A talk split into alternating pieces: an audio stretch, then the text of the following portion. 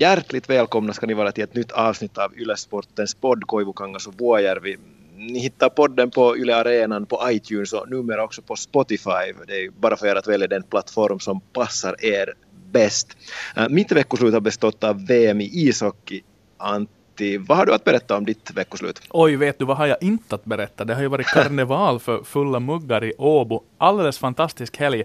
Kom hem sent på lördagskvällen och, och, och tog en del av, av den här hockey-VM avslutningsdagen hemifrån, men, men eh, det måste jag säga att om, om vet jag inte ditt slutliga utlåtande om Danmark som VM-arrangör, men om jag skulle få välja så skulle stafettkarnevalen gärna få vara i Åbo alltid. Det var så ett fantastiskt kalas. Äh, härlig inramning där i idrottsparken i, äh, på Sampalinna som du säkert känner till också från din tid som, mm. som Åbobo. Äh, folk flyter in från höger och vänster. Det är grönt och lummigt, skolorna nära, maten nära, allting nära. Det var så ljuvligt så att jag hoppas innerligt att karnevalorganisationen fattar ett beslut att placera karnevalen åtminstone ännu i nästa år i Åbo, för det var, det var faktiskt riktigt, riktigt skönt hur mycket så handlar ditt utlåtande om att det verkar vara alldeles fantastiskt väder där? Det hjälpte. Naturligtvis hjälpte det. det ska vi inte liksom sticka under stol med. Uh, var det nu 2015 när det regnade hela veckoslutet i, i Vasa så kändes det ju sådär halvdant. Men nej, det, har, det har nog varit helt bra. Uh, har vi vår specialgäst med i sändningen nu eller var alltså fysiskt befinner du dig just nu? För den där tjejen hade vi inte dealat med att hon skulle vara med i podden. nej, vi har alltså lite annorlunda förutsättningar än normalt. Jag befinner mig alltså som bäst på Kastrup Köpenhamns flygplats. Uh, det betyder att upplägget är inte riktigt det normala. Uh, kanske, Antti, ska vi avslöja hur vi har tänkt det här? Ja, kör hårt. Jo, jo, det, det ska vi ha några hemlisar här för våra lyssnare.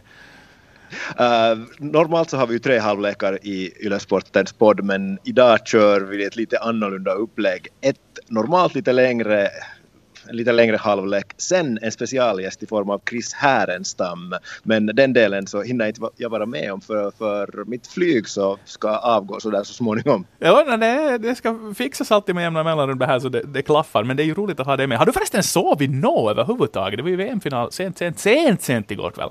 Verkligen. Uh, jag skulle våga gissa att det blev ungefär tre timmar. Men jag kände mig överraskande fräsch och pigg, vilket förvånar mig. De är fantastiskt. Let's get this show on the road. I den första halvleken av Ylesportens podd Koivukangas och Vuojärvi har vi alltså med oss Chris Vuojärvi från ett flygfält i Danmark. Och vi ska naturligtvis prata om hans gångna vecka och det som det substantiellt bjöd på. Alldeles färskast på näthinnan har jag åtminstone. Eh, överraskande nog en hockeymatch som höll mig vaken och fokuserad väldigt länge. Jag var sjukt trött efter mitt stafettkarnevalveckoslut, men den här finalen, den var ju så oerhört intensiv och så oerhört rolig att följa med och det var spänning ända in i det sista, så, så jag tyckte om det jag såg. Visst var det, alltså vilken fantastisk final och vilket drama. Uh, bara några få detaljer som har fastnat på min näthinna. Uh, Mattias Ekholm med ett genombrott med en handfull sekunder kvar att spela av tredje perioden. Schweiz målvakt räddar. Adam Larsson skjuter i stolpen med tre sekunder kvar av förlängningen pling sa det. Och sen Roman Jossi som tar två utvisningar i tredje perioden efter varandra och den andra en sån där total amatörmiss av honom. Han alltså touchar pucken då han inte ännu har hoppat ut ur utvisningsbåset. Och det får man inte göra. Det är två minuter för, för interference. Märkligt om han inte kände till reglerna var det som så att han var bara så tänd så taggad att han i stridens hetta glömde allt vad han har lärt sig om ishockeyregler.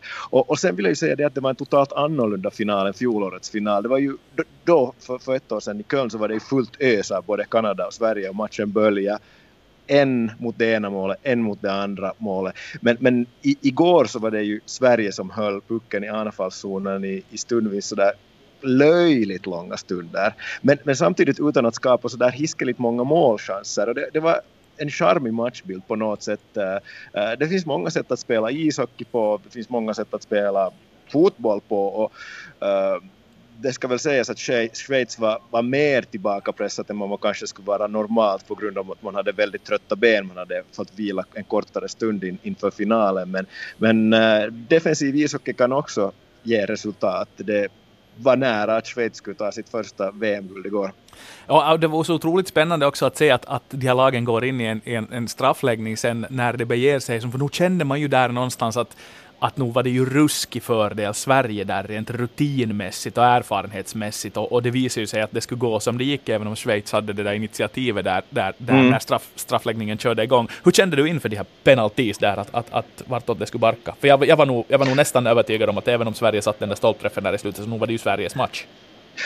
Ja, och, och jag var involverad i Yle-sportens livechatt där och så cementera mig. Jag sa att jag tror att det här blir Sveriges eh, straffläggning för att Sverige har mer spetskompetens, skickligare spelare, mjukare handleder.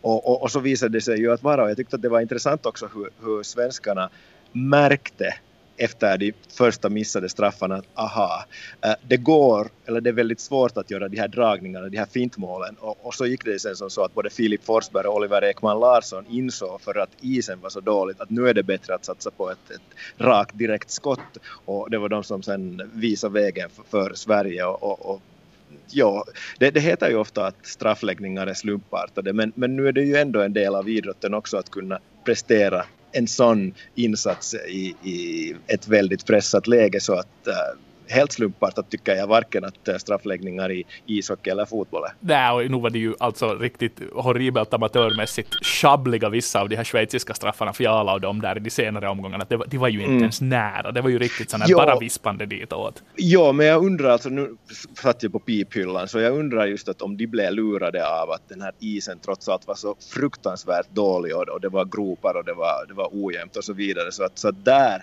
så var Sverige helt enkelt med, med sin rutin så insåg det här och, och satsade mer på de här direkta skotten. Mm. No, Sverige vinner igen får vi väl konstatera. Och ja. det är ju så att Sverige är alltid, eller det säger man ju inför varje turnering att Sverige hör till favoriterna. Så gjorde de också den här gången. De höll hela vägen och stormade genom turneringen och imponerade mm. naturligtvis. Men, men några ord om Schweiz som alltså petar ut oss Uh, och då var det en hemsk skräll. Sen petade de ut Kanada och, och, det var ju nästan en ännu större skräll. Och så är de så sjukt nära att rubba uh, Sverige. Jag lider på det viset med, med, med sån här dramaturgisk Äh, uh, ishockeypoesi där det här är ju skrällen som blev ofullbordad. Ingen kommer någonsin sen att komma ihåg riktigt bra hur roligt det var att Schweiz gick så här långt och kom så nära eftersom de inte fullbordar den där skrällen och går hela vägen. Det stör mig. Men nu är det väl en stormvarning ändå från Schweiz det här nu?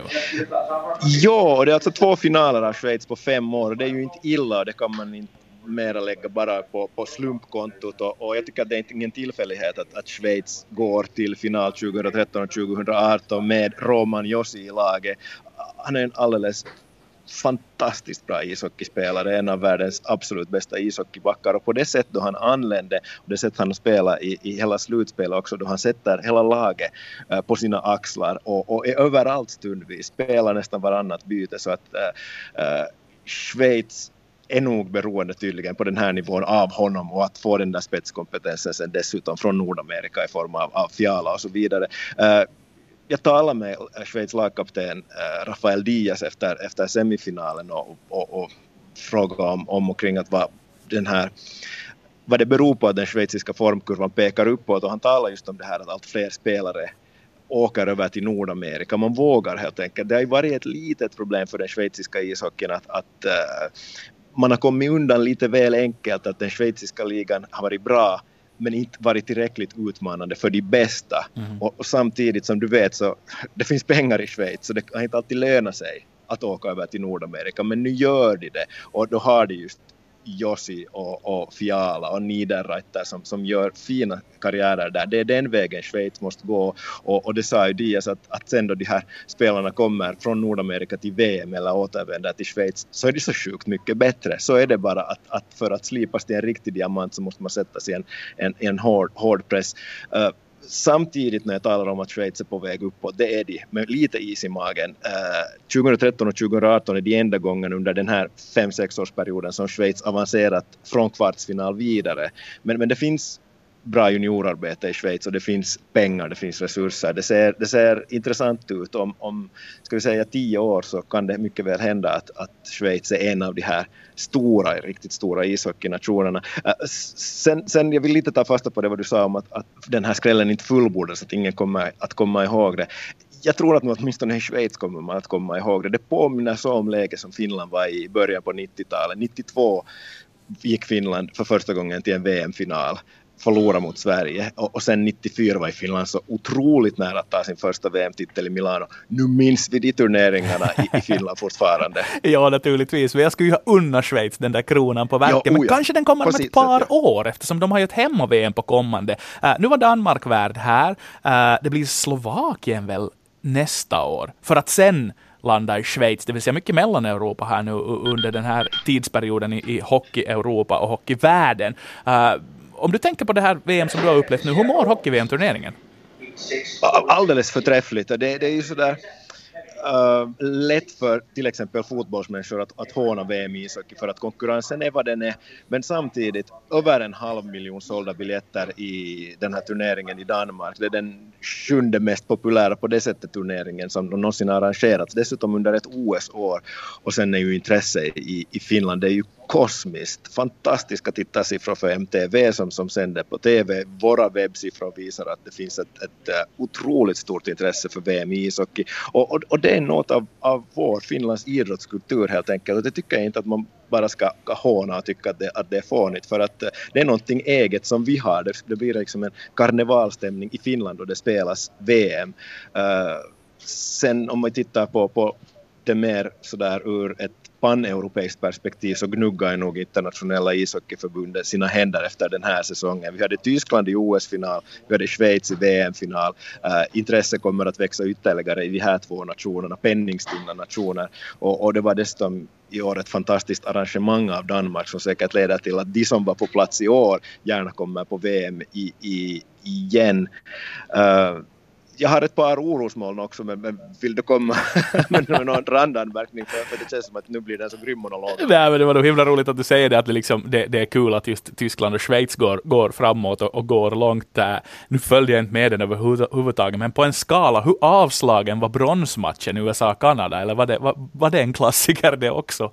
Jag kasta sådär getögon på den matchen, jobba med lite andra saker där och det kändes lite som en, du vet, som en NHLs All-Stars-match. Oj, att, att det var ganska högt, högt tempo, ja, lite, lite liksom All-Stars-match med, med lite större insatser, men, men inga tacklingar överhuvudtaget. Att spelarna var mer oroade över att de skulle skada sig. Och, ja, det skulle kunna sen, drabba sen, golfsvingen inför sommaren om de precis, får gå och slarva och, och, ja, och ju, ju längre matchen pågick så lite mer intensivt blev det för att sen, sen så nordamerikaner så, så hatar ju att förlora så att, så att eh, men, men ja, bronsmatcher överlag så jag vet inte.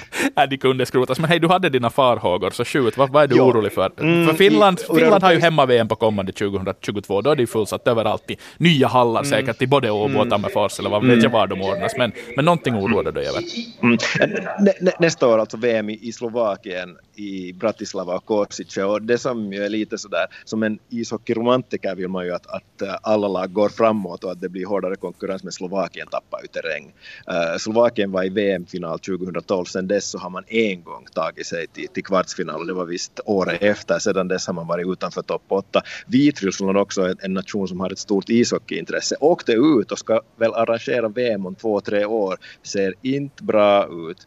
Och, och sen så där ur, ur nordamerikansk perspektiv, hur kommer USA och Kanada uh, att uh, vad kommer det ha för inställning till VM i, i, i, framtiden med tanke på att det inte eh, är NHL-spelare i OS det vet vi inte förstås hur det är om fyra år, men, men, men OS har ju varit den här moroten som har lockat kanadensiska och amerikanska spelare till VM, att, att förbunden har kunnat säga att ja, det här är en bra genomkörare, du kan visa här att du är bra på europeisk, eh, i internationell ishockey, internationell rink, så att, så att kommer spelarna i fortsättningen att vara sådär jättesugna på att komma? Jag vet inte. Mm. Nej, det återstår ju att se, men, men jag menar, vi har ju ett fantastiskt NHL-slutspel på gång just nu, så jag tror de flesta fokuserar nog på vad Las Vegas ska göra, eller Vegas som de ju ska kallas. Mm. Men hej, några ord ännu om, om, om våra kära lejon. Det, det gick ju åt pipan då i torsdags mot, äh, mot Schweiz och det var en katastrof och det var ett fiasko på många sätt. Och Lauri Marjamäki går till historien som en, en, en riktig förlorare vad beträffar förbundskaptensjobbet för Finlands del. Men nu är det ju ändå, känns det som, ganska mycket utropstecken kring Finlands hockeyframtid, trots att det nu gick åt skogen den här gången.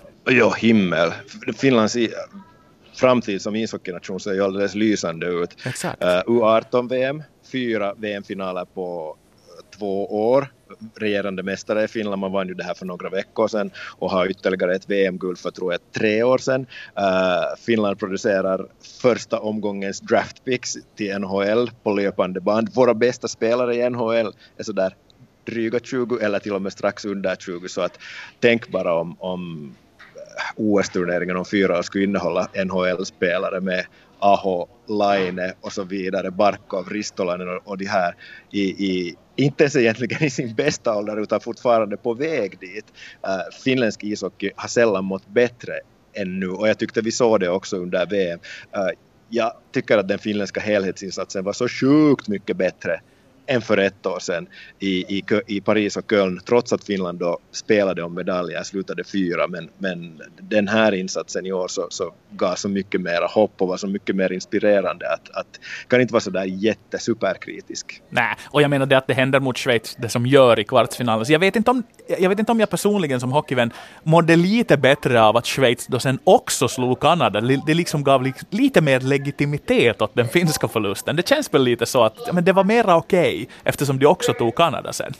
Nej, men så är det ju och, och dessutom så, jag antar att vi båda kan klassificeras som, som idrottsromantiker så nu är det ju skönt med de här skrällarna. Det, det, så är det bara att, att skulle allt gå helt enligt, enligt ritningarna skulle det vara förutsägbart så inte skulle idrotten vara lika rolig. Nu så svider det finländska ishockeyvänner i skinnet den här VM-turneringen men om det skulle ha varit Schweiz som slog ut Sverige och, och, det skulle, och Finland skulle ha tagit Sveriges plats. Åh vad vi skulle ha tyckt att det var, var roligt. De är Schweiz som, som, som tappra krigare. Så gick nästan hela vägen men förlorade sedan mot Finland. Så, att, så att det här tycker jag man också ska komma ihåg att, att skrällar gör att intresse för idrotten i det stora hela växer. Ja men så är det ju. Men på tal om skrällar, vi ska Chris alldeles snart släppa dig iväg och båda eftersom du ska flyga, flyga hem därifrån Danmark också. Men äh, vi ska prata med Chris Härenstam i den andra halvleken av, av äh, den här podden. Jag ska ta kontakt med honom vid, vid SVTs huvudkontor. Men, men, men en av de frågorna jag kommer att ställa honom i den sista delen, fem snabba. Om boboll kanske? Ja, det också. Men framförallt nu så kommer det att handla om äh, Vegas och vad de håller på att ställa till till med. Ett expansionslag i NHL är ju per definition skit. Man har ju skrapat ihop uh, det som inte duger åt de andra och, och sen så ger man dem en tioårshorisont på att etablera sig och ens bli trovärdiga. Hur i fridens namn kan det ha gått så här? det, tror jag att, ganska många uh, pampar i NHL i olika klubbar så funderar på att hur kan Vegas har klarat av att göra det här på en säsong som många NHL-klubbar. Ta Minnesota som, som, uh, som exempel. Minnesota tycker jag har gjort ganska bra jobb med, med sina värvningar och med hur man satsar långsiktigt och så vidare. Men ändå så uh, stöter man på, på för bra motstånd, oftast i första omgången av, av slutspel eller senast i andra och, och, och, man önskar och man drömmer men det går inte vägen.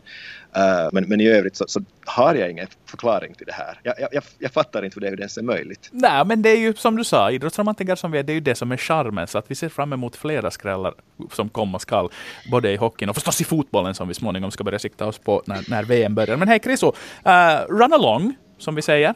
Mm. tack, för, tack, för, att du tog dig tid. Yes. Uh, och så, det ska jag göra och så fortsätter vi den här podden på andra sidan av halvtidspausen smidigt in i den andra halvleken av eh, Ylesportens podd Koivukangas och Vuojärvi, av vilka Vuojärvi har hoppat på ett flyg hem mot Finland från eh, VM-festen i Danmark. En fest som framförallt blev en svensk fest och det är med stor glädje jag kan säga varmt välkommen med till podden till SVTs mångårige och långvarige sportkommentatorsprofil Chris Härenstam. Tjena Chris! Hej! Vad roligt det är att få vara med i Yle också. Alltså jag Ja, du och jag känner ju varandra sedan så många år tillbaka och jag följer ju frekvent finländsk idrott med tanke på att jag har så starka rötter till Finland. Jag är född i Finland så att det är en ynnest, en glädje att få vara med. Fantastiskt. Ni har ju äh, segeryra, Kungsträdgården bokad och allt det där, hela kalaset på gång efter att äh, Sverige för första gången på 26 år lyckas försvara ett VM-guld. Hur har du upplevt det här färskaste VM-guldet om vi säger som så? Nej, men, jag är inte speciellt förvånad över att Sverige vinner eh, världsmästerskapen. Varför det då? Jo, jag hade ju den stora äran att kommentera JVM-guldet 2012. eh, då i Calgary när Sverige vann för första gången på väldigt, väldigt lång tid. Och den här generationen som nu var med och vann här i Danmark, alltså senior-VM, det är ju den generationen som var med och vann till stora delar junior-VM då i Calgary 2012. Mm. Och det är en generation som jag känner ganska så väl. Jag har också kommenterat dem i TV-pucken, alltså ungdomsturneringen när pojkarna är 15-16 år och är U18-VM. Så att jag känner dem ganska väl och det är en homogen grupp som jag är väldigt prestigelös. Det finns en väldigt tydlig rollfördelning och rollacceptans. Och framförallt så tycker de det att det, är, det, är så himla kul att få komma hem då till Europa och få spela ihop igen. Och mycket av det kan också tillskrivas förbundskaptenen Rickard Grönborg som för övrigt har ett förflutet som just JVM-coach. Det är ganska så många olika komponenter som gör att det här svenska laget är slagkraftigt. Men jag är inte förvånad. Det är ju en sån där, då du beskriver det på det där sättet som en form av vinnarkultur som har växt fram. Mm. För att om man ändå ser på senior-VM, ser man till truppen så är det väl hela 13 debutanter. Och då brukar man mm. säga att senior-VM är någonting helt annat. Men kanske det inte är det då heller om man helt enkelt är van att vinna tillsammans. Är det så alltså? Nej, men det är bra att du tar upp det för att jag träffade ju eh, flera av spelarna inför VM. Vi, vi på Sveriges Television kommenterade ju Sweden Hockey Games och i mm. det mästerskapet så märkte jag när jag gick i korridoren där inför och efter matcherna och pratade med de olika spelarna hur mycket de kramades och hur mycket de tyckte om att träffas igen efter att ha varit ifrån varandra under ja, flera säsonger faktiskt borta i NHL. Men det, det märks att det finns en kärlek, en vänskap mellan spelarna som är riktigt stark. Det är djupa rötter mellan väldigt många av spelarna. Mm. Sen är det ju nog ändå en spets som dyker upp där på, på, på senare tiden. Grönborg håller dörren länge på glänt och får en Nashville-spelare på löpande band. Så, så mm. är, det, är det liksom sen det där, den där sista pusselbiten som saknades, tror du, för att det just blev guld? För det, det fällde ju avgörandet på sätt och vis också i strafftävlingen. Nej, men om, man, om man tittar tillbaka, det, det, det, är så tråkigt att behöva säga det Antti, men det är de små marginalerna som avgör. Anders Nilsson gör den där räddningen i förlängning när Kevin Fiala har ett jätteläge och nästan borde ha gjort mål så då hade ju Schweiz varit världsmästare. Men om vi tittar tillbaka på din fråga så är det så att man har ju spets från början i form av Rickard Rakell som övertygar säsong efter säsong i Anaheim. Men ändå inför den här VM-turneringen var en doldis. Vi har Mattias Jamark som i, i det här läget inte har något kontrakt men väljer då att åka och spela VM och med facit i hand så var ju det en succé och han kommer att få ett garanterat bra kontrakt nu i, i NHL. Sen har vi eh, flera olika andra komponenter då. Eh, jag tänker ju naturligtvis på Mika Zibanejad som avgjorde JVM-finalen 2012. Eh, en spelare som egentligen borde göra fler poäng i NHL eftersom han har sådana enorma spetsegenskaper. En kille som har i samband med det här VMet blivit än mer populär i Sverige. Det var en undersökning som gjordes, jag tror det var i Sportbladet, en av de stora tidningarna här, eh, som sa det att eh, Mika Zibanejad är den populäraste spelaren i truppen. Men framförallt så är det så att man har fått två stycken stycken forwards i form av Viktor Arvidsson och Filip Forsberg som har adderats till den här redan innan då så slagkraftiga truppen. Och det är det som fäller avgörandet att man har så många olika spetsar i forwardsuppsättningen tillsammans med bästa backarna. Det tror jag, det tror jag att du håller med om också att det är få som slår de eh, olika backarna i Tre Kronor. Ja men det är ju nästan ett, vad ska vi säga, en, en, en World Cup eller OS-uppsättning mm, med mm. några pusselbitar som fattas. Är det då en, en, en offensiv eller en defensiv seger? För att på målvaktsfronten let's face it, det hade kunnat vara ett tyngre namn mellan stolparna eventuellt. Absolut. Men backarna är lysande, så är det försvaret som vinner turneringen eller är det anfallet som vinner turneringen? Ja, men jag tror att det är, en, det, det är en blandning av sött, surt och salt. Det är olika delar i den här salladen eller fruktsalladen. Um, det, det, det, som är så intressant är att Anders Nilsson inför just den här turneringen, om jag återgår till den Sweden Hockey Games, när jag kommenterade Anders Nilsson i torsdags, eh, torsdagsmatchen i Södertälje spelades den matchen. Sverige mot, ja, jag kommer inte ihåg, men i alla fall Anders Nilsson stod, det kanske var lördagsmatchen, men han stod i alla fall i en av de där matcherna och hans första match som han stod i turneringen, där släppte han retur efter retur, omställningen från liten till stor is. Nej, jag var väldigt tveksam inför mm. honom i, i, inför VM. Och så såg jag att ju, ju längre in i turneringen han kom desto mer växte han. Han fick en bra start, det var väldigt viktigt. Och konkurrensen han hade också med facit i hand med Magnus Hellberg, den andra svenska målvakten, den har gjort honom gott. Men det tog lite tid för honom att akklimatisera sig till den lilla rinken. Och jag hade ett stort frågetecken för honom inför den här turneringen. Men han visade att det blev ett utropstecken. Och det är också ett tecken på att det inte bara Finland som har många bra målvakter. Även om jag tycker att Finland har bättre målvakter än vad Sverige har. Men Sverige har en bredd på målvaktssidan. Men kanske inte den toppen då som Finland har i, i form av Antti Ranta, Pekkarinne och inte minst då Tukaraski i Boston. Mm. Det är ju på det viset spännande att, att du nämnde det, att vi faller ju sen där mot er mm. finalmotståndare, mm. Schweiz. Sen tycker vi ju oh. här på sidan av, av, av, Bottenviken att det var ju himla skönt att Schweiz sen också slog ut Kanada, för det liksom oh. legitimerar vår kvartsfinalförlust lite mera. Och skulle Schweiz då ha ännu gått och slått Sverige så skulle vi ha tyckt att ja, men de var ju turneringens bästa lag. Nu var de ju kanske inte, men du sa det, marginalerna var små. Men, men några ord Chris om Schweiz, det är ju otroligt fascinerande hur bra de gör det här slutspelet efter att ändå ha varit, varit in, inte där och sett ut som någon form av medaljfavorit i gruppspelet. Nej men hur många gånger har vi inte sett lag som har hackat sig fram i gruppspelet för att sen slå till sen när det drar ihop sig till utslagningsmatcher. Nu har förvisso Sverige gått igenom den här turneringen helt obesegrat så att eh, det faller ju lite under den, utanför den ramen. Men jag tycker att Schweiz, om vi ska sätta handen på hjärtat och vara helt ärliga här Antti, aldrig har varit bättre än vad, vad Schweiz var i den här turneringen. Jag har kommenterat Schweiz väldigt många gånger, inte minst då i JVM-sammanhang, 12 senaste åren för att, för att vara exakt det laget som man hade nu med eh, Niederreiter, Fiala, eh, Genoni i målet, Andrighetto, Corvi, eh, Josi för att nämna några. Eh, spelade ju så oerhört klokt. Och jag tror också det i kombination med att motståndarna fortfarande till viss del underskattade Schweiz. Den blandningen gör att Schweiz blir riktigt framgångsrik fortfarande, trots att det här är ett eh, VM-silver, så tror jag inte man kommer att räkna med eh, Schweiz som en av de stora favoriterna inför till exempel årets, eh, nästa års turnering. Mm. Det är så att det tar många år tid för att etablera sig i världstoppen. Men hade det stått Kanada på, på de schweiziska spelarnas eh, tröjor, då hade vi pratat om dem i andra ord. Så det, det påverkar naturligtvis att det står Schweiz där. Men Schweiz var klokare än de flesta andra nationer. Jag tycker med fast i hand också att det, det som Finland gjorde i kvartsfinalen mot Schweiz, det var, det var faktiskt ganska blekt. Inte minst för en gångs skull och målvaktspositionen där Säteri tidigare i turneringen imponerat men i den matchen inte helt övertygad. Mm. Och, och jag tycker, jag tycker att Finland skulle ha besegrat Schweiz. För Finland-Sverige, det var helt ärligt de två bästa nationerna i mina ögon. Men, men lite underskattning blandat med lite tur också och en målvaktsprestation som inte var på topp för Finland gjorde att Schweiz gick vidare. Ja, men det är ju så för att jag menar, bara i den här podden i förra veckan så pratade vi ju om att nu är, nu är röda mattan lagd för Finlands del till en finalplats ja, eftersom det mycket sannolikt blir Schweiz. Så att vi stod ju för en mm. vecka sedan och, och, och så fram emot en match mot USA där en seger skulle ge gruppseger och så vidare. Ännu alldeles mm. kort om Schweiz. Chris Vuojärvi i den här podden tidigare idag mm. drog en parallell mm. Till Finland i början på 90-talet. Mm. Jag påstod att det är synd att Schweiz inte vinner, för att ingen mm. kommer att komma ihåg de här nära ögat-turneringarna 13 och 18 om några mm. år. Men då sa Chris att ja, Finland silver 92, första VM-finalen någonsin. Svidande nära guld 94, men silver också då. Och sen följde man upp det i Globen 95. Det vill säga att han såg i Schweiz nu det som han såg i Finland för dryga 20 år sedan. Finns det någonting i det här? Schweiz har ju ett hemma-VM på kommande dessutom om ett par år. Ja, men man ska inte glömma heller att vi har en Genoni som spelar på topp. Vi har en Romagnosi som eh, förgyller det här laget. Vi har Fiala, Andrighetto och så vidare. De har förvisso Lucas Spiza som spelar i Vega som finns där borta i Nordamerika också som kan förgylla det här laget. Men Schweiz måste få hem de slagkraftiga namnen ifrån NHL för mm. att det ska vara ett lag som kan konkurrera med de allra bästa europeiska nationerna. Man märker ju också att Sverige får hem en massa NHL-stjärnor. Ändå står Schweiz upp.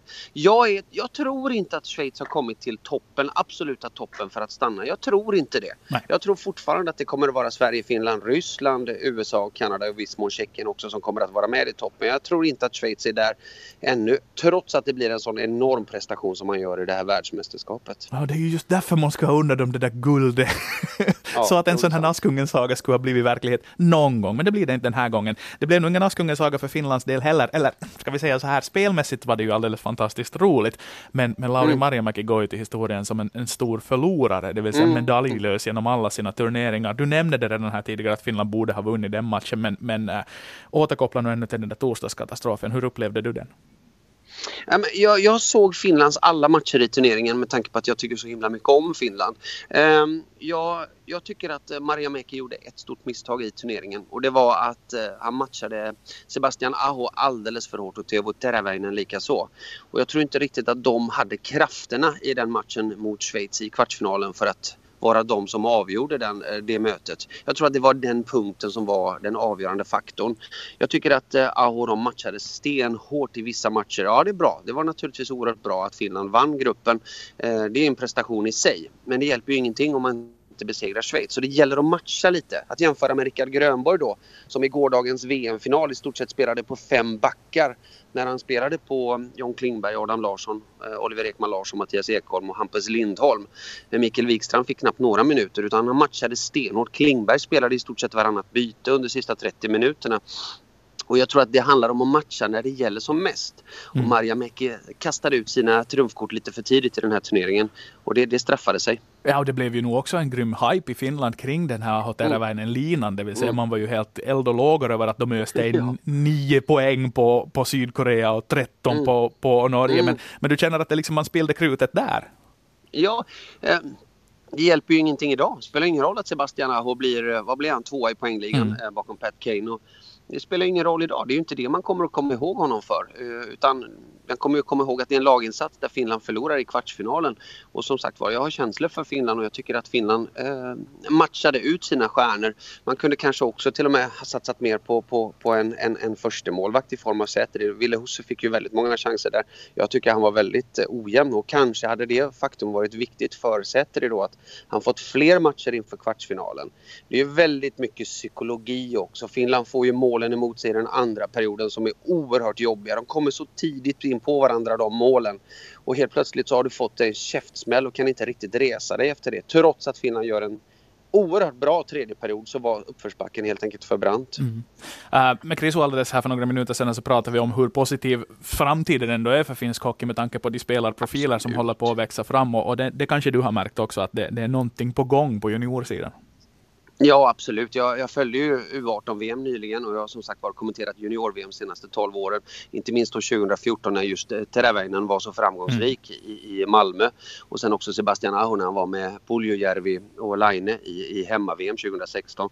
Um, nej men, framtiden är oerhört ljus. Det är bara att titta på eh, Alexander Bach Barkov. Eh, vi kan ta Mikko Rantanen 84 poäng på 81 matcher. Vi kan ta ytterligare spelare. Patrik Laine gör 44 mål. Framtiden har aldrig varit ljusare, har aldrig sett bättre ut för finländsk hockey än vad det, vad det gör nu. Det kommer att vara ups, det kommer att vara downs.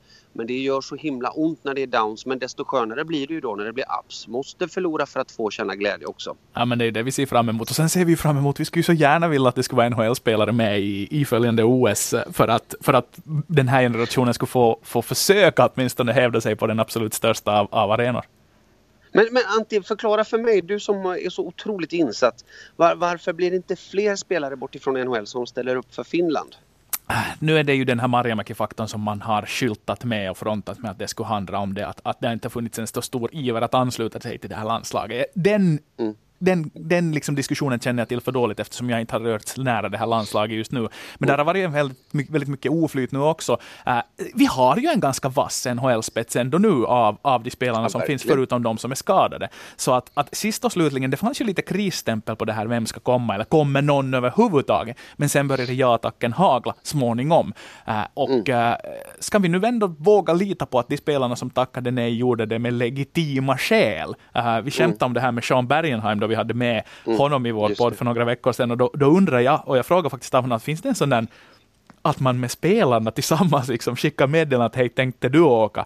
Och så svarar någon att nej, nu jag kan inte spela med den där loser-coachen och sådär. Men han, han hävdar bestämt att nej, så är inte fallet, utan det är professionella människor mm. som gör långa säsonger. De har problem med skador, det kan finnas kontraktgrejer i bakgrunden. Så Seans tes var definitivt den att, att alla vill ställa upp för Lejonen när som helst det är möjligt. Men det är klart, om man tänker på Sveriges situation, du har en omtyckt coach i Grönborg som har dokumenterad framgång och du har mm. ett VM från förra året att falla tillbaka på och en, en massiv uppslutning. Så det är ju liksom lättare att locka med det. Finland var ju i och för sig fyra för, för ett år sedan då i, i Köln, men äh, mm. äh, jag, jag, vill vara så pass blåögd att jag tror att, att det var de här spelarna vi fick den här gången och sen i Slovakien nästa vår så är, är det ett, en ny dukning och då får vi helt enkelt se hur det går. Ja, jag har en liten teori också när det handlar om de finländska backarna. Miro Heiskanen eh, kommer att bli en stor back. Han är redan det för övrigt. Um, jag tycker Nuttivaara var en trevlig bekantskap. Jag har ju uh, en god vän i form av uh, scouterna i, i, Columbus. Så att jag har hört väldigt mycket gott om mm. Nuttivaara så jag är inte speciellt förvånad över att det går så himla bra för honom. Men därefter Honka och Pocka jag hade förväntat mig mer utav dem. Det finns några andra backar. Jag tycker Rikola var en positiv överraskning mm. på, på många sätt för min egen del. Men om du jämför de finländska backarna med de svenska backarna, strunta i det du som lyssnar på detta nu, vilka du håller på. Lägg bort det liksom hjärtat utan tänk rationellt. Då är det så att det är en avsevärd skillnad när det handlar om backarna mellan Sverige och Finland. Inte så stora skillnader alls på, på forwardsidan. Det är tycke och smak vem man tycker är bäst. Eh, man kan jämföra olika forwards med varandra men på backsidan är det en stor skillnad mellan Finland och Sverige. Även om jag tycker Finland imponerade kanske allra mest i turneringen fram till, till kvartsfinalerna. Trots mm. förlusterna mot Danmark och Tyskland. Ja, det känns ju lite som att vi saknar de där backbjässarna. Det som Finland producerar mm. för tillfället är puckförande, duktiga, skickliga backar och forwards av Guds nåde. Men eh, de här, det är inte många Rasmus Ristolainen till som håller på att mm. dyka upp. De här riktigt tunga pjäserna som skulle stärka och, och, och, styra upp den där defensiven. Så det har du helt rätt i. Men visst är det, det är natt och dag då det kommer till, till backpositionen. Uh, Sverige ska fira idag, det kommer att bli ett stort kalas. Uh, vi har pratat om det här med att hur folkkärt Tre Kronor nu sista slutningen, ni har ett fotbolls-VM på kommande dessutom, så att, att uh, det svenska fotbollslandslaget kommer också att vara på tapeten här nu. Uh, vad tror du, kommer det att vara liksom parken full och, och gigantiskt firande, eller är gänget mätta på svenska hockeyframgångar? Nej, det kommer att vara hur mycket folk som helst i Tukholma i Kungsträdgården idag. Det kommer att vara hur mycket folk som helst. Det är, precis som i Finland antar jag 25-30 eh, grader på sina ställen ja. och i Stockholm. Jag har varit med i Morgonstudion nu under morgonen flera gånger här i Sveriges Television och i Stockholm så är det cirka 25 grader att förvänta i eftermiddag när spelarna ska firas. Det kommer att vara väldigt många spelare som har solglasögon på sig och varför får ni lista ut själva. Men det kommer att vara ett långt firande och det kommer att vara massor av folk. Jag förväntar mig åtminstone 10 till 15 000 åskådare på, på plats i Kungsträdgården. Och som svar på din fråga med fotbolls-VM jag har den stora äran att vara huvudkommentator på, på, på SVT under fotbolls-VM och det, det, det kommer också att bli någonting i hästväg när det gäller den svenska publiken. För det började i VM, inte minst 2006 i Tyskland då Sverige var den nationen som hade näst flest supportrar på plats efter värdnationen. Och det, det, är någonting visst nu med att åka på matcher, framförallt då när det är nära geografiskt till, till olika mästerskap. Det, det, svenska folket samlar ihop sig och åker på, på mästerskap och det har blivit någon slags ny eh, sällskapsresan höll jag på att säga, men det har blivit någon, någon slags folkfest över det. Att det, det, det, det är en, en thing to do together det, det, det, har blivit en fantastisk grej för stora delar av svenska folket och jag är jätteglad för det. I den tredje halvleken av Ylesportens podd Koivukangas Vuojärvi brukar vi traditionellt eh, ställa varandra frågor när vi är tre med. Idag är vi bara två med eftersom Chris Vuojärvi flyger och far någonstans, eh, ja, vet jag, norr om Skåne. Uh, hur som helst, därför har jag valt att stuva om den här gången med dig Chris som gäst och jag ska ställa dig fem snabba frågor och utkräva mm. fem ganska snabba rappa svar där du helt enkelt slår fast hur och vad som händer. Den första frågan håller oss faktiskt kvar i ishockeyvärlden så tillvida att yep. äh, det spelas ju annan ishockey än VM-ishockey för tillfället. Då handlar det om äh, Las Vegas Golden Knights. Hur i fridens namn kan detta hända? Ett expansionslag i Stanley Cup-final. Ja, det, var, det var ju en väldigt otacksam fråga. Du är en underbar person men det är en otacksam fråga. Hur sjutton ska jag förklara det på en kort stund? Um, gruppkemi, revanschlusta, uh, rollfördelning, rollacceptans. Spelare som egentligen blommar ut nu i sin karriär som kanske haft lite motgångar tidigare. Eh, en tränare som får gruppen att växa ihop. Det är många olika faktorer men sist men inte minst Flurry storspelare i målet kanske är den bästa målvakten i hela slutspelet. Ja, du gjorde det jättebra med att komprimera. Det där skulle du ha fått in i en tweet. Nästan. Ja, Rappt över till fråga två. Liverpool mot Real Madrid mm. i veckoslutet i Kiev. Magkänslan, hur går det? Eh, hjärtat säger Liverpool, hjärnan säger Real Madrid. Jag tror Real Madrid vinner till slut eh, eftersom man har större spetskompetens på, eh, på toppspelarna. Och de, de har ju Mohamed Salah i, i, Liverpool men de har kanske inte två, tre andra som är på, på den nivån. Real Madrid har en två, tre riktiga klassspelare, det avgör. Tredje frågan, och vi stannar kvar ämnesmässigt hos fotbollen som du redan nämnde, som du ska jobba med, ett stort projekt i sommar. Vem i dina ögon ser starkast ut när VM kör igång? Tråkigt svar. Brasilien, Tyskland är mina två favoriter. Tyskland naturligtvis för att Tyskland är Tyskland. finns eh, tre, fyra slagkraftiga landslag som man skulle kunna ställa upp med där.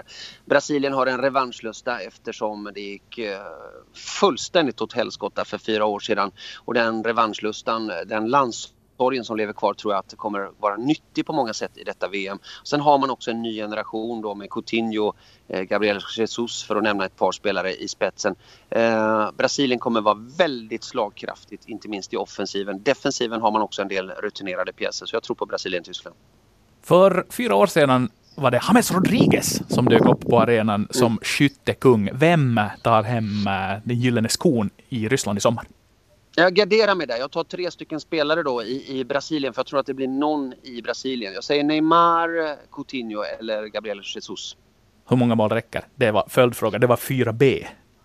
Ja, någonstans mellan fem och sex mål måste de göra. Perfekt. James vann väl dessutom med sex, har jag på känn, för fyra mm. år sedan. Ja, du, du har koll. Avslutande frågan. En kanske lite okänd sida av dig är din stora passion för bobollen. För det första, mm. del A, hur kommer det sig? Och B, hur tror du det går i Superpessis för ditt Hamina i år? Jag vill inte ha kort svar på den här frågan. Jag älskar ju Pesapallo. Jag älskar... Eh, jag följer Naisten Suomen sarja, Finlands eh, stolthet. Hamina spelar där på damsidan i division 2, alltså tredje divisionen. Um, I, um, i, i uh, på, på, på här sidan så håller jag naturligtvis på nykomlingen Hamina. Följer dem slaviskt i varje match.